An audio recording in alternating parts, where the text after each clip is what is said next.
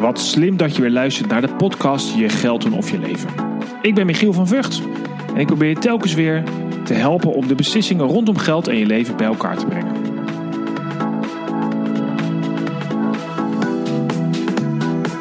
De podcast Je Geld doen of Je Leven is mede mogelijk gemaakt door NNEK Vermogensbeheer. En voor meer informatie kijk jij op michielvanvugt.com. Vught met V-U-G-T. Hier vind je artikelen, boeken, filmpjes en uiteraard alle eerder gemaakte podcasts. En ik zou het superleuk vinden als je me helpt deze podcast eh, bekender te maken, zodat we samen meer mensen kunnen helpen. Dit doe je door de, een beoordeling achter te laten via iTunes of uh, andere podcast-apps die er zijn. Goed, vandaag een gave uitzending met niemand minder dan Remco Klaassen. Remco, ja, leuk dat je aan de telefoon bent. Um, ja. Ja, ik heb er zin in. Kijk, hoi, we hadden al eerder een voorbespreking en um, toen zei je van, joh, ik vind het allemaal leuk en aardig, maar we gaan het deze keer niet hebben over al mijn uh, verbaal meesterschap en allerlei andere bekende onderwerpen. Nee, je wilt het over een nieuw onderwerp hebben. Kun je dat nog herinneren? Ja, het verbaal meesterschap hebben we inmiddels al vier of vijf podcasts. Dus uh, ik wil geen overlap, ik wil wat leuks doen, wat nieuws doen met je. Ja, precies. En toen uh, kwamen wij al pratende over een aantal interessante onderwerpen. En daar triggerde je mij wel mee. Dat ging namelijk over uh, ego. Daar was jij veel mee bezig ook. En jaloezie. Mm -hmm. Daar hadden we, uh, had ik in ieder geval een concreet voorbeeld van. Waar, wat jou al dacht, nou dat is wel aardig om dat misschien ook te delen. Um, ja. Maar misschien kun je eens beginnen met het ego. Hoe, hoe kijk jij tegen het ego ja. van mensen aan in het licht van hun leven ook bijvoorbeeld? Oké. Okay. Ik, uh, de reden waarom ik het onderwerp ontzettend leuk ben gaan vinden is... Uh, mijn laatste boek is een co-productie. Uh, Marinka Lipsius, een socioloog, die wilde over moed gaan schrijven. Factor moed. Uh, onder ons de bruine broek, hè. Ja. En of ik een voorwoord wilde doen of een referentie. En het is een hoofdstuk geworden en, en bijna een kwart van het boek. Ik vind het zo leuk, want het ego zit geregeld in de weg, sociaal bijvoorbeeld, maar kan ook zorgen dat je te weinig voor jezelf kiest. En ik heb beide facetten maak ik enorm mee. Mensen die uh, te veel bezig zijn met het invullen van de behoeftes van anderen, die weten dus eigenlijk te weinig wie, uh, zelf wie ze zijn en wat ze willen. Ik heb ook te grote ego's die ik geregeld tegenkom die een hele afdeling kunnen verzieken en, en, en anderen in de weg zitten en niet meer nauwelijks meer voelen of hun aanwezigheid nog wel energie geeft of kost. Dus het ego heb je nodig. Uh, trouwens, jij stelt één vraag en ik begin te ratelen, maar kijk uit, hè, ik ben spreken, dus voor je twee lul ik uh, uur vol. Ja, lekker toch? Dus het, het ego vind ik super interessant omdat je het nodig hebt. Ik denk dat het het fundament geeft voor je eigen geluk. Het ego definieer ik een beetje als het enige uh, lichaamsdeel wat maar één taak heeft en het is voor jou zorgen dat je een beetje naar je zin hebt. En als je te klein ego hebt, uh, of een verzuurd ego, daar kunnen we straks ook nog even over spreken, want we hadden het over jaloezie. Dan kan het zijn dat je uh, jezelf niet gezien voelt en te weinig podium creëert. Of, of als je niet weet wat je wil, hè, een van de rode draden in veel van mijn training is, als je geen plan hebt voor je eigen leven, word je ingezet in andermans plannen. Ja. En ik wijt dat aan een te, te klein ego. Te, te, te, weinig durven stelling nemen voor je eigen geluk. Maar denk je dat, dat, dan, dus... dat, je dat, dat, je wel, dat je je eigen ego. Ben je niet zeg maar zo geboren of zeg maar, opgevoed en dan ben je, kom je 30 jaar later achter dat je eigenlijk je ego te klein is? Kun je dat dan überhaupt nog veranderen, denk je? Ja, ik denk het wel. Ik, het, het, is absoluut zo dat er een, een basisscripting is. Hè? De, je hebt een pakketje DNA van papa en mama in je knar. En er zijn een hele hoop dingen die je hebt meegemaakt. En dat kan al maken dat je een valse start hebt. Hè? Je hebt mensen die wat, wat meer wegcijferend zijn. Maar ook de extraverten kunnen nog steeds erachter komen dat ze te weinig hebben gedaan met het door, doorgronden van je eigen wensen. Dus hm. het ego uh, heeft wel als taak, en dat is een van de dingen waarom ik eigenlijk ben begonnen met schrijven, om te ontdekken wat hij wil. En dat wordt ons ook niet zo geleerd. Hè. We, we, krijgen op school een hoop dingen mee, maar niet hè, wat ik ecologie noem. Dus het ontdekken van hoe zit je nou eigenlijk op, op, op lol en op, op geluk. Um, en dat zijn allemaal vreselijke termen. Er wordt ook heel erg over geschreven. Van ja, zijn we niet te gelukszoekerig en is het allemaal wel nodig? En de term die bij mij het meest het redt, is gewoon wanneer heb je goede energie. Ja. Dus wanneer geeft iets energie, wanneer Het is, het is, in principe heel simpel. Ik, ik, ik heb dat in een van mijn lezingen rondom burn-outs wel eens gezegd: van als een groter deel van jouw week energie kost, in plaats van dat het het oplevert, ben je op een traject bezig waar dus langzaam je batterij kapot gaat. Ja. Dus, dus als wij niet ontdekken waar de plusjes en de minnetjes zitten, ja, dan, dan wordt het heel lastig om, om op koers te blijven in je leven. Maar, dat, en dan maar dan, uh, als je naar je ego kijkt, kijk, ik kan me eh, ik denk iedereen kent wel mensen in een omgeving waar de ego gewoon te groot is. Uh, te klein valt misschien niet zo op, omdat die mensen zich zeg maar, bewust wat op afstand houden. Of nou ja, omdat ze een klein ego Ja, die zijn wat stiller. Ja, zijn stiller. Dus die, die, die, die lijden in stilte. Ja, precies. Misschien nog wel veel erger. Um, ja. Maar ja, um, kijk, ik kan me ook wel voorstellen, als ik jouw lezing heb ik een paar keer mogen bijwonen. Ik heb ook drieënhalf daagse gedaan, daar was je super geïnspireerd. En een hoop mensen doet er hopelijk wat mee. Maar tegelijkertijd, hoe, hoe krijg je nou een blijvende verandering? Is dat... Ja. ja. Nou, kijk, er zijn een aantal fasen die ik onderscheid in het hele leiderschapsdomein.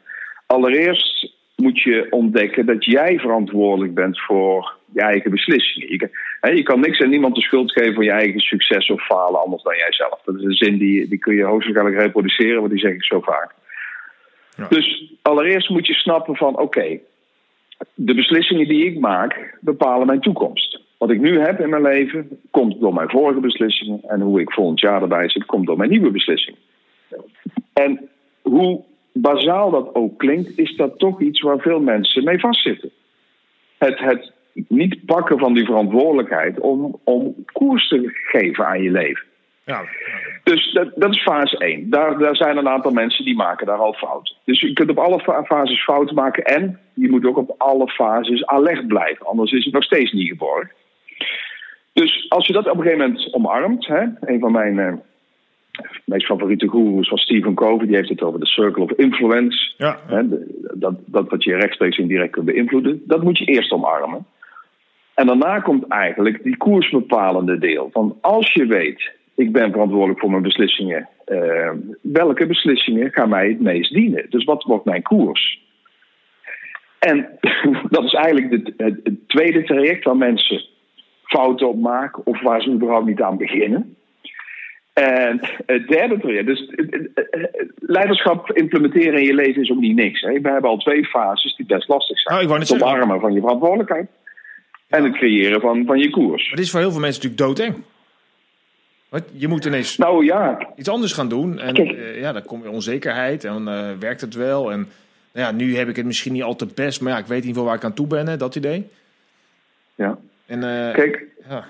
op zich... Uh, ja, het is een rotopmerking. Maar ik, ik heb hem niet van mezelf. Ik heb hem van mensen, wonderbaarlijk genoeg, die een burn-out hebben meegemaakt die zeggen eigenlijk unaniem, achteraf, hè, mind you saying, achteraf, dat het een van de belangrijkste opleidingen uit hun leven was. Dus wat ik, ik gun mensen in principe geen burn-out, maar het laat wel ineens enorm de noodzaak voelen. Ja. Dus uh, waar ik eigen, mezelf hard voor. Mijn eigen. ik heb net een Brabants interview gehad. Hartstikke ja. uh, waar ik mezelf hard voor maak, is dat mensen toch de noodzaak gaan voelen om zonder een burn-out de waarde en de noodzaak te eh, onderkennen van dat je aan de bak moet. Dat jij moet zorgen voor het uh, openen van die circle of influence en het creëren van je koers.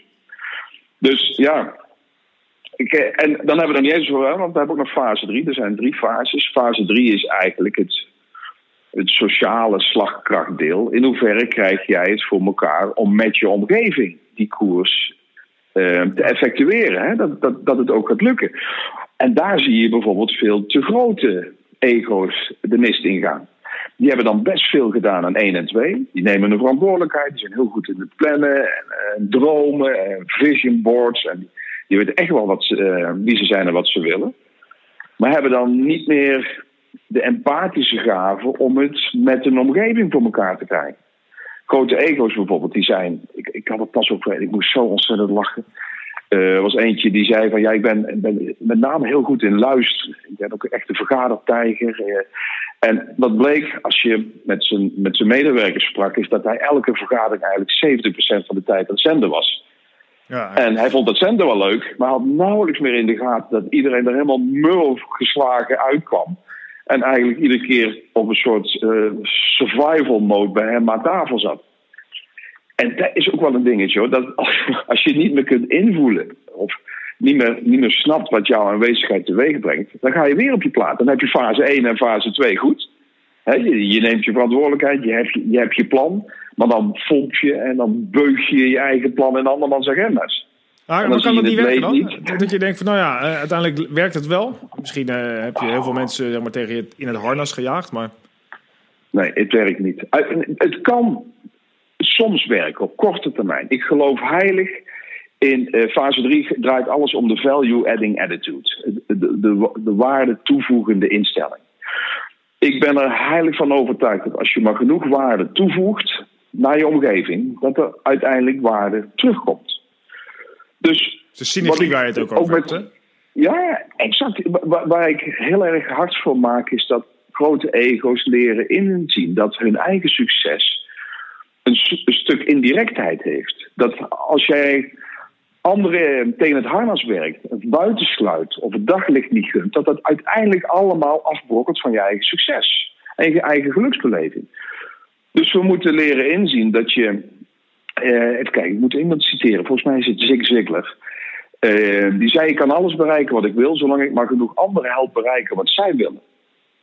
Dus in fase 3 is het heel nuttig om een soort omslag te creëren. Van oké, ik weet wie ik ben en ik weet wat ik wil. En dan ga ik eens heel goed mijn best doen om te kijken of er een, een modus is, een manier van werken. Zodanig dat ik er hartstikke gelukkig ben en blijf en vol in mijn energie. Maar terwijl, terwijl ik anderen help. Ja, dat is dus, mooi. Dus, ja. ja. dat is echt wat je. Voor mij heb jij dat voorbeeld, is dat niet uh, Madagaskar of zo? Of zo'n zo'n land waar je het over hebt, waar die synergie zo. Uh... Mauritius. Mauritius.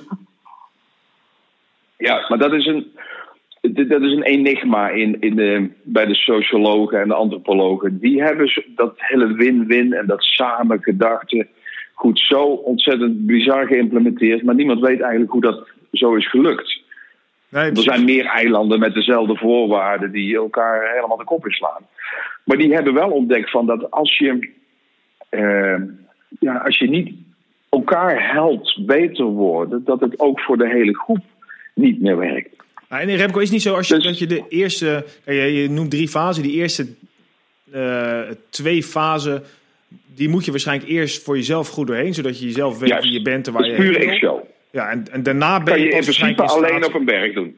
Exact. Ja, en maar volgens mij moet je er ook eerst doorheen om jezelf dusdanig gelukkig te voelen, om dan pas ook die anderen te kunnen helpen. Want ik denk als je naar een te kleine ego kijkt, zijn er ook veel mensen die misschien heel veel andere mensen helpen, maar dan precies wat jij zegt, onderdeel zijn van het plan van iemand anders, toch? Ik kan het niet beter samenvatten. Te kleine ego's hebben dus niet die bühne gecreëerd voor zichzelf om te overleven. En dan zijn ze misschien wel heel goed in aspecten die bij fase 3 horen, het waarde toevoegen, maar op een manier dat ze zelf erdoor gedraineerd worden. En dan ga je dus toch op je plaat. Dan ben je een hartstikke fantastische Florence Nightingale, Moeder Teresa. En dan zit je weer thuis met je burn-out. dan ben je voor iedereen waardevol geweest, maar dan ben je jezelf vergeten. Dus, en dat, is ook het lastige van. Um, we hadden toen straks even jaloezie. Ik weet god niet meer wat, wat de haakje was toen wij in de auto met elkaar spraken. Maar jaloezie is ook een uitingsvorm van een te klein verzuurd ego. Als je het zo ontzettend niet naar je zin hebt met je eigen leven, is bijna alles wat wel gelukkig is om jou heen een reden om je nog rot op te voelen. Ja, precies. Ja, laten we het daar zo eens even over hebben. Want we, zijn, we zijn alweer halverwege, dus ik moet even mijn uh, halverwege. Ah, dat kan helemaal niet, man. Ik ben net begonnen. Ja, joh, nou dat doen we gewoon twee podcasts, kan mij schelen. Maar ondertussen moet ik even zeggen, joh, leuk dat je nog steeds luistert naar de podcast Je Geld en Of Je Leven. En wil je nou meer informatie over dit onderwerp? Uh, bezoek eens mijn site michielvanvugt.com met VUGT. En uh, ik wil graag 10 miljoen mensen helpen om betere keuzes te nemen voor hun leven. Dus je helpt als je de podcast een, een duimpje geeft of vijf sterretjes op iTunes. Maar we gaan snel weer verder met, met Remco. Want die um, ja, jaloezie, het haakje. Um, volgens mij, ik kan me nog wel een beetje herinneren hoe dat ging. Dat, we hadden dat voorgesprek en toen hadden we het hier ook over. En toen zei, zei ik tegen jou dat ik zo jaloers was op een van mijn beste vrienden. Want die ging op een gegeven moment een baan doen die een beetje vergelijkbaar is met mijn baan. Alleen in mijn beleving sowieso ging hij veel meer verdienen met veel minder hard werken. En toen ik dacht, ja, weet je wat hij kan, kan ik ook. En uh, weet je wel, uh, eigenlijk was het een soort afgunst zelfs. Dat misschien nog wel erger dan jaloezie. Um, en ik kwam er eigenlijk achter dat ik dacht, ja, weet je wat waarom eigenlijk? Weet je, het slaat nergens op. Want mijn leven wordt er per definitie niet beter van als ik hem niks gun. Nee. En we hebben het uiteindelijk over. Ik heb het met hem over gehad. Hij merkte ook wel dat er wat was. En ik heb gewoon gezegd: joh, ik ben jaloers op je inkomen. En uh, triest voor mij. En toen was het ook over. En uh, sindsdien is alles weer goed. Wauw. Um, Hoe reageerde hij erop? Dat is, dat is wel een spannende getuigenis. Uh, ja, hij. hij bekentenis. Ja, nou ja, hij vond het voor sowieso voor mij wel fijn dat ik het meldde. Hij had ook wel door dat er ergens iets niet lekker liep of zo de laatste tijd. En um, ja. Kijk, en ik, ik kwam er ook wel achter. Ik had daarvoor een, een boek gelezen, uh, Necessary Endings. Dat gaat eigenlijk over dat je mensen in je omgeving hebt waar uh, die enorm energie zuigen. En dat kan, ja. zelfs je, kan zelfs je partner zijn. Maar dat heel veel mensen maar ja. vasthouden aan, nou ja, weet je, zo is het nou eenmaal. En uh, nou, bla bla bla, dat hele verhaal. En toen ik zat, dat boek zat te lezen, dacht ik, ja, hij is niet iemand met wie ik een necessary ending wil, uh, wil bewerkstelligen. Ik vind hem een hele belangrijke persoon, dus ik wil, ik wil hem niet uit mijn leven hebben. Alleen ik merk wel dat het niet lekker loopt. Dus nou, uiteindelijk was dat voor mij een reden om met hem te praten. En eigenlijk mijn ego ja. uh, opzij te zetten. En dat was wel waardevol. Alleen, ja. ja, dit lijkt dan alsof het zo, uh, weet je wel, nou, haha, toi, toi, toi, Michiel. Maar ik ga natuurlijk vaker mis dan goed. Maar ik merkte wel hoeveel impact dat had. Hoe eigenlijk relaxed het is. Als je gewoon ja, weet je wel, mensen wat gunt. Fase 3 nou, eigenlijk. Het, ja. het, nou, de, je hebt de basis al beschreven. Jij had niet zozeer uh, te maken, denk ik, met de pijn van zijn succes. Maar gewoon het feit dat het voor jou nog niet op orde is zoals jij het zou willen. Ja. En als je daar je volle energie oplegt, is, is er maar één ding wat er kan gebeuren. En dat is verbetering. En, en, en dat het, uh, het gevoel langzaam verdwijnt. Als je in, in, energie steekt in zijn succes, ja, dat is fucking zinloos. Uh, ja. dat, dat, doet je alleen maar pijn, dan ja. slaap je slecht door en het helpt je dus niet met je eigen koers. Maar dat is dus wel een hele uh, belangrijk punt. Jaloezie heeft een absolute voedingsbodem. dus onvrede over eigen bestaan is denk ik de, de compost voor jaloezie. Dus het heeft totaal geen zin om jaloers te zijn en boos te worden en bij elke scheet naar het Malieveld te rennen over alles wat jij denkt dat anders moet of wat je niet zint. Besteed dan gewoon je energie aan het verbeteren van je eigen levensgeluk. Wie ben je, wat wil je en dan vol aan de gang. Ja, ja. En het leuke is dat als je dan in fase 3 het ook nog eens goed doet, dat je jouw uh, plannen netjes omzet in voordeel naar anderen, komt er ook heel veel waardering terug. En mensen die zich gewaardeerd voelen, die kennen jaloezie niet. Want dan ben je zo blij, dan heb je weer een compliment gehad, dan heb je weer een leven gered, dan heb je een klant bijgemaakt. Dan heb je geen tijd om te kijken dat er iemand anders is die nog meer verdient. Dat is een onzin, daar, daar heeft je ego geen zin in. Ja, dat klopt. Het is heel, uh, het is wel, ik heb ook in mijn boek staat ook zo'n hoofdstuk over uh, geluksbeleving. Ik heb, noem het dan relatief nut. Dat je, en dat is precies wat jij zegt. Dat mensen, het blijkt ook veel onderzoek, uh, uit veel onderzoek, dat je geluksbeleving hangt heel erg af van de mensen om je, om je heen. Ja. En bijvoorbeeld als jij ja. collega's hebt die, nou, het voorbeeld wat ik gaf, hè, mensen die in de omgeving iemand hebben die hetzelfde doet, maar meer verdient, dat maakt hun ongelukkiger. Wat in essentie natuurlijk heel triest is. Bijna zou je zeggen, ga lekker, uh, weet ik veel, op Noord-Lombok zitten na die aardbeving en dan met je flesje water en dan ben je ja. super gelukkig, want jij hebt wel water en zij niet. Dat is eigenlijk een hele rare manier van doen. Ja. Maar ja, zo werkt, zo werkt het kennelijk wel. En, nou ja, die context werkt op onze gedachten. Dus alles wat wij zien in onze omgeving heeft voor degenen die weinig koers hebben vanuit zichzelf meer impact. Kijk, in principe is het heel, heel, heel uh, uh, makkelijk te verklaren. Als jij volledig bezig bent met je eigen, het kijken naar je eigen kompas, ja, dan, dan zie je die andere dingen niet. Die dus daardoor ook minder impact uh, hebben op, op jouw leven. Kijk, bijna al die trainingen en al die boeken gaan over hoe zit jij nou in je eigen leven? Hoe zit jij in je eigen vel? Ja. En als je daarop focust, kun je niet naar andermans vellen kijken. Want dat is, dat is in principe zinloos. Maar wat ik het, het helemaal gave vind, is dat als je tegelijkertijd bezig bent met dat waarde toevoegen. Waarde toevoegen geeft waarde terug. En laat dat nou ook wel eens waardering heten. En waardering voelen is een van de belangrijkste componenten van geluksbeleving. Ja, absoluut. Dus dan, dan ben je eigenlijk door jezelf beter op koers te brengen, ben je ook nog eens waarderings, de voedingsbodem aan creëren voor waardering ontvangen. En dan gaan al die andere emoties, uh, die worden een stuk minder. Dan ga je ook min, minder naar kijken. Ik bedoel, hè, er zijn altijd mensen die meer verdienen dan jij. Of meer aandacht hebben, of meer likes. Ik denk dat het ook steeds moeilijker wordt voor hè, uh, de nieuwe generatie om om waardering te voelen. Er, er is zoveel zichtbaarheid. Je wordt zo kapot gegooid met andermans succes. Ik, kijk dan wel eens op Instagram. Uh, ik word daar een beetje door besmet. Ook door mijn kinderen, die hebben dan Snapchat en Insta. Want Facebook is natuurlijk alweer oldschool. En dan moet ik weer in mee. En what the fuck. En dan zie je dus alleen maar mensen die fotootjes maken van zichzelf. Met nieuwe schoenen, met nieuwe auto's, met nieuwe dit, met...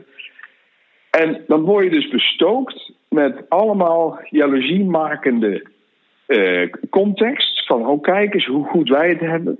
En als je daar een groot deel van je dag aan besteedt, ben je dus niet bezig met het werken aan wie je bent en wat je wil. En het, het creëren van waarde voor anderen. Dus het lijkt wel of het nu nog moeilijker wordt voor de nieuwe generatie om, om geluk op te bouwen. Want je wordt zo afgeleid met iedereen die bling en uh, hun eigen geluk in jouw gezicht swaffelt. Sorry voor het woord, maar het is. Nou, maar hoe, ja, nou, daar zeg je wat. Hoe, uh, heb je daar al een manier gevonden die, uh, hoe je dat dan een beetje ombuigt? Want dat is wel iets wat. wat nou ja, het enige wat ik kan doen is mijn gedrag op social media anders doen dan degene die alleen maar geluks, uh, geluk in andermans gezicht gooien. Ik doe dat ook naar mijn kinderen toe. We hebben een aantal social media regels.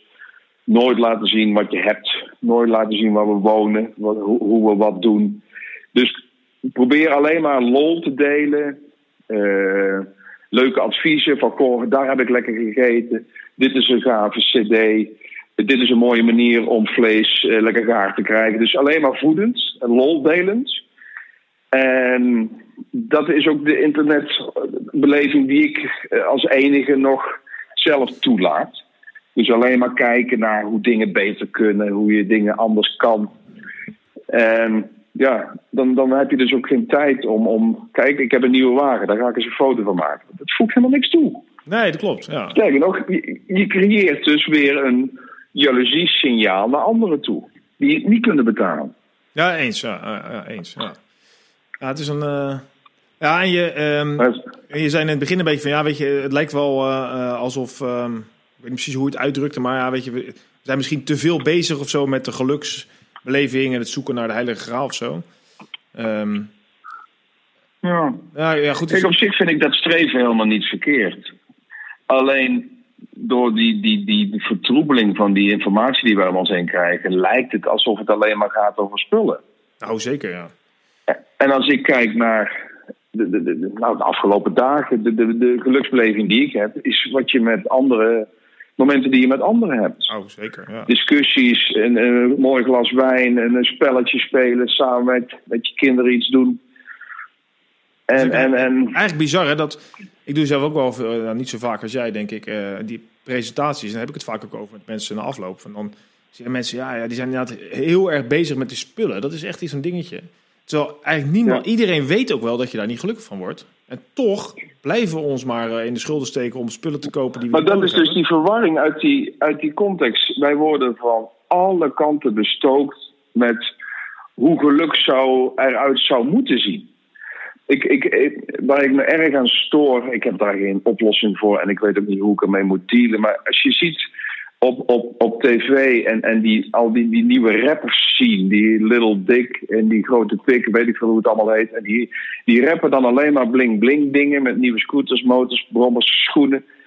En de nieuwe generaties denkt dus van ja, dat is waar ik aan uh, moet voldoen. ik, kan alleen gelukkig zijn met die gymschoen van 400 euro. De gymschoen van 400 fucking euro, wat, wat bedoel je man? Het is gewoon rubber en een beetje leer eromheen. Dus je, krijgt zo'n verwarring. En dat, dat lijkt me ook heel erg moeilijk voor ouders die nu uh, uh, met puberende kinderen bezig zijn, om daar je, je pad in te creëren. Kijk, de mijnen zijn 24, uitgerekend 24, 22, bijna 18. Die hebben dus al een ander fundament en zijn daar ja, iets meer immuun voor geworden, hoop ik. Ja. Maar je zult maar een bijstandmoeder zijn met, met een knulletje van 12, die alleen maar van dit soort video's kijkt. Zeker, En kijkend naar zijn eigen leven tot de conclusie komt van ik heb niks, ik ben niks en ik word niks. Ja, wat, wat hou je dan voor een egootje over? Ja, precies. Want is nog niet eens je eigen opvoeding en je, en je, zeg maar, je natuur, nee. maar ook nog de, de, hele omgeving die ook nog eens een keer naar beneden drukt. Maar ja, hoe moet je dat doen? Moet je dat manneke, dat hij geen iPhone mag hebben? Dat kun je misschien nog niet eens betalen. Dat hij geen tv mag kijken? Ja, dat, Want de hele wereld lijkt daarover te gaan. Ja, er is wat dat betreft Lastig nog eigenlijk, hè? Ja, het is eigenlijk, nou, we naderen een beetje het einde. Het zal een beetje een triest einde zijn om dan zo te stoppen, denk ik. Ah, dat kan toch Dat kan niet. Dus we hebben nog een paar minuten. Hoe draaien we dit nog eens even om naar een mooie positief einde? Dat mensen die luisteren denken, nou, hartstikke idee. Hier heb ik wat aan. Ik ga hiermee aan de gang. Oké, oké. Dat kan jij. Waar ik me voor zou willen inzetten, is dat het woord egocentrisme een andere bijsmaak krijgt. Het heeft echt een nare connotatie gekregen. Egocentraal. Ik denk dat wij egocentrisme moeten zien als de ultieme basis voor je eigen geluk. Als je je ego niet dermate centraal durft te stellen, kun je dus nooit een fundament creëren waarop je kunt stralen voor anderen. Dus als je geen licht hebt in jezelf, kun je ook geen Ja, schaduw wegnemen bij anderen. Dus egocentrisme vind ik een heel fantastisch woord. Het kan te veel gaan lijken op alleen maar. Kijk eens, nieuwe brommer, kijk eens, nieuwe ketting, kijk eens, nieuwe Dan schoenen. wordt het meer narcisme. En dan ga je mis, want dat is, die, ja, dat is narcisme. Ja. Je moet een goede basis creëren voor jezelf. En vanuit die basis ga je kijken, hoe kan ik anderen gelukkig maken? Blijer maken, meer energie geven. En dat is niet door alleen maar jaloers eh, eh, compost te strooien de wereld in. Dat is gewoon kijken, hoe kan ik anderen helpen? En dat is zo'n leuke sport. Jezelf ontdekken en een koers bepalen. Is al hartstikke leuk. Dat is hè, fundamenteel egocentrisme. En daarna ga je het omklappen in sociale slagkracht. Hoe kan ik het beste van mezelf gebruiken om anderen blijer, gelukkiger en meer energie te geven? Kijk, nou, dit lijkt me een prachtig pu- punt. We zijn ook precies al een beetje op de tijd. Dus Ik doe een eh mic drop beweging, hè? hoppakee, helemaal, ja, precies. Ja. Hey, Ah, de plaats. super eh, bedankt Remco. Ik, de tijd ging razendsnel, vond ik. Ik vond het een eh, erg interessant gesprek. Dankjewel voor je deelname eraan. Ja, het was geen moeite. Het was leuk. Dankjewel, jij. Ja, super. Ehm, nou, voor de luisteraars nogmaals, je weet de site inmiddels te vinden, michielvanvugt.com. Eh kijk vooral ook eens naar Remco Klaassen, C A S. Eh, absoluut een inspirator, ook voor mij. Eh, kijk eens naar zijn 3,5-daagse, als eh, die nog hier en daar gegeven wordt. Maar zoek hem gewoon op, want hij helpt je echt met mooie inzichten. En uiteindelijk waar het net om ging. Uiteindelijk de koers in je eigen leven te vinden, zodat jij het beste uit je leven kunt halen. Eh, nou, zoals kort gezegd, geef dit ding een duimpje, deel hem. Uiteindelijk helpen we daarmee meer mensen naar een ideaal en beter leven. Dankjewel voor het luisteren en tot heel snel.